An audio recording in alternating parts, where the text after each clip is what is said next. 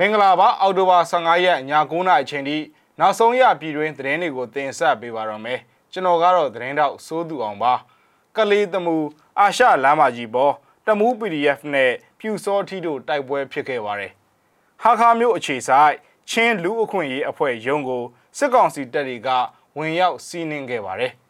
တကုံမြို့သစ်အရှေ့ပိုင်းမြို့နယ်တဲက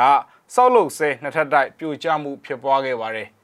သမရအိုဘားမားတဲခဲ့ပူးတဲ့ နေပြည်တော်ကကမ်ပင်းစကီဟိုတယ်လုပ်ငန်းရပ်နာလိုက်ရပါပြီ။အာဖဂန်နစ္စတန်ကရှီဟိုက်ဗလီတခုမှာပောက်ကွဲမှုဖြစ်လို့လူ30ကျော်သေဆုံးခဲ့ရပါတယ်။ဒီအကြောင်းတွေပါဝင်တဲ့နောက်ဆုံးရပြည်တွင်းနဲ့နိုင်ငံတကာသတင်းတွေကိုတင်ဆက်ပေးပါတော့မယ်။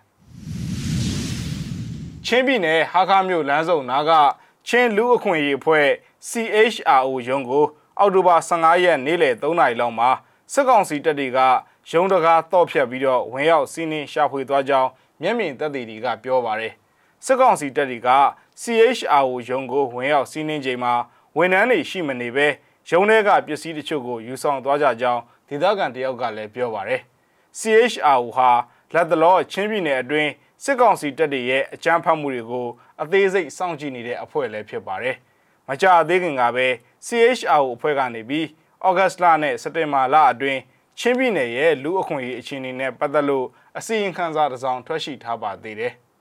။ကလေးသမှုအာရှလမ်းမကြီးပေါ်မှာရှိတဲ့ရန်ငိမ့်အောင်ကျွာနဲ့ပန်းသာကျွာကြားဟတ်ကျိန်ဒရာနာမှာပြူစောထီအဖွဲ့နဲ့တမူး PDF တို့အောက်တိုဘာ14ရက်နေ့ကတိုက်ပွဲဖြစ်ခဲ့ကြောင်းသိရပါတယ်။တမူး PDF တိုင်ရင်သုံးနဲ့ထိတ်တိုက်တွေ့ဆုံခဲ့တာဖြစ်ပြီးစစ်ကောင်စီကလက်နက်တပ်ဆင်ပေးထားတဲ့ပြူစောထီ3ယောက်သေးပြီးအများအပြားဒဏ်ရာရသွားကြောင်း ခေတ်သစ်မီဒီယာမှာဖော်ပြပါဗျ။တိုက်ပွဲအတွင်းတနက်နှစ်လက်ကြီးစံတချို့နဲ့ဆက်သွယ်ရေးဆက်တစ်လုံးအပြင်ဖုန်းနှလုံးကိုပါတင်စီရမိကြောင်းနဲ့တမူး PDF ဘက်ကအောင်မြင်စွာစုတ်ခွာလာနိုင်ခဲ့ကြောင်းကိုလည်းပြောဆိုထားပါတယ်။အမေရိကန်သမ္မတဘာရက်စ်အိုဘားမားတဲခုခဲ့မှုတဲ့နေပြည်တော်ကကမ်ပင်းစကီဟိုတယ်လုပ်ငန်းရနာလိုက်ရပါပြီ။ဆွစ်ဇာလန်အခြေစိုက်ကမ်ပင်းစကီဟိုတယ်ရနာလိုက်ပြီဖြစ်ကြောင်းကိုအဆိုပါဟိုတယ်က တရားဝင်သတင်းထုတ်ပြန်ထားတာပါ။ရင်းဟိုတယ်ဟာဆွစ်ဇာလန်နိုင်ငံအခြေစိုက်နာမည်ကြီးဟိုတယ်လုပ်ငန်းစုဖြစ်တဲ့ကမ်ပင်းစကီအုပ်စုပိုင်းဟိုတယ်လည်းဖြစ်ပါတယ်။ကမ်ဘောဇာအုပ်စုနဲ့ပူးပေါင်းပြီးတော့2014ခုနှစ်ဩဂတ်စ်လကနေပြီးတော့ဒခိနာသီရိမြို့နယ်မှာဖွင့်လှစ်ခဲ့တာဖြစ်ပြီးရင်းနှီးမြှုပ်နှံမှုတန်ဖိုးအမေရိကန်ဒေါ်လာ45သန်းလောက်ရှိပါတယ်။မြန်မာနိုင်ငံရဲ့လက်ရှိဖြစ်ပေါ်နေတဲ့အခြေအနေတွေကြောင့်လုပ်ငန်းရှင်နာရတာဖြစ်ပြီး အဆိုပါဆုံးဖြတ်ချက်ကိုခက်ခက်ခက်ခဲချရတာလို့လည်းဟိုတယ်ဘက်ကတရားဝင်သတင်းထုတ်ပြန်ထားပါတယ်။နိုင်ငံပေါင်း30ကျော်မှာကျဲ9ပွင့်အဆင့်ရှိတဲ့ဟိုတယ်ကြီးပေါင်း85ခုလောက်ဖွင့်လှစ်ထားတဲ့ကမ်ပင်းစကီဟိုတယ်လုပ်ငန်းစုကြီးကဖြစ်ပြီး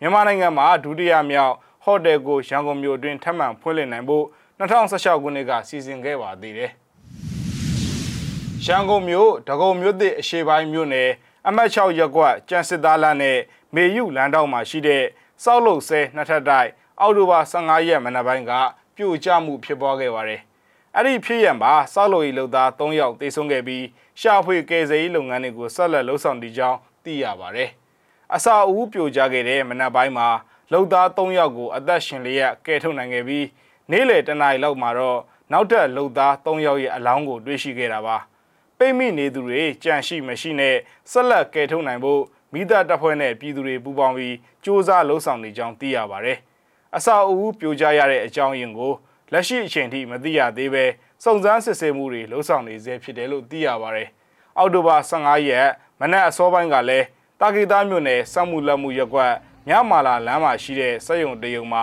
မီးလောင်ကျွမ်းမှုဖြစ်ခဲ့ပြီးအဆင့်3အထိတက်မှကအချိန်9နာရီကျော်ကြာမီးငိမ့်တက်ခဲ့ရပါသေးတယ်။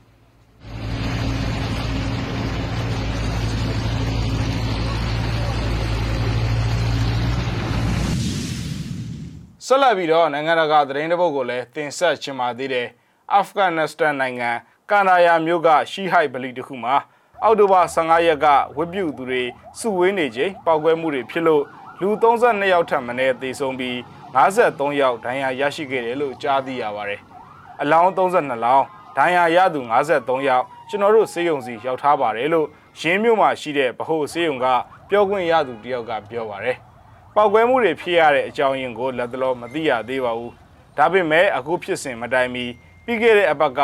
ခွန်ဒုစ်မြို့မှာရှိတဲ့ရှီဟိုက်ဗလီတစ်ခုမှာဝက်ပြုစူတောင်းသူတွေကိုပြစ်မှတ်ထားတဲ့အသေးခံဘုံခွဲတိုက်ခိုက်မှုတစ်ခုဖြစ်ပေါ်ထားခဲ့ပြီးရင်းကို IS အဖွဲ့ကသူတို့လက်ချက်လို့ပြောဆိုထားပါတယ်အခုဖြစ်ပေါ်ခဲ့တဲ့ပလီကျောင်းပောက်ကွဲမှုကြောင့်တေဆုံးတန်ရာရသူတွေကို မျိုးလယ်မှာရှိတဲ့မီယာဝေစေးရုံကိုပို့ဆောင်ထားတယ်လို့ဒေသတာဝန်ရှိသူတယောက်က AFP ကိုပြောပါတယ်။မျက်မြင်သက်သေတဦးက AFP ကိုပြောတဲ့အခါမှာဗလီမှာပောက်ကွဲမှု၃ချိန်ဖြစ်ခဲ့ကြောင်းပထမပောက်ကွဲမှုဟာဗလီရဲ့အဓိကတကားပေါက်မှာဖြစ်ပြီးနောက်တစ်ခုကတော့တောင်ဘက်ဧရိယာမှာဖြစ်ကတတိယပောက်ကွဲမှုဟာဝက်ပြုသူတွေဝက်ပြုစူသားမှုမတိုင်ခင် ကိုလတ်တန့်စင်ရနေရာမှာဖြစ်တယ်လို့သူကပြောပါတယ်။အစ္စလာမစ်စော်ဘွားနိုင်ငံရဲ့လုံခြုံရေးတပ်ဖွဲ့တွေ အဲ့ဒီဗလီကျောင်းဧရိယာရောက်ရှိနေပြီးပောက်ကွဲမှုတွေဘာကြောင့်ဖြစ်တာလဲဆိုတာကိုစုံစမ်းစစ်ဆေးနေပါတယ်ခင်ဗျာ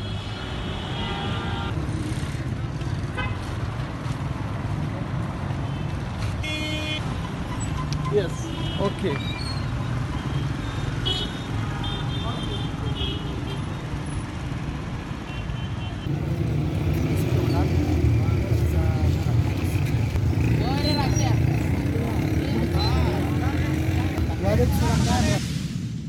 ရရှိမ TV ရဲ့သတင်းအစီအစဉ်ကိုဒီမှာခဏရနာခြင်းပါတယ်။ကြည့်ရှုခဲ့တဲ့မိဘပြည်သူတူဦးချင်းစီကိုကျေးဇူးအထူးပဲတင်ရှိပါတယ်။ကျွန်တော်တို့သတင်းရည်နဲ့အတူတူပြန်ဆောင်ကြပါဦးမယ်။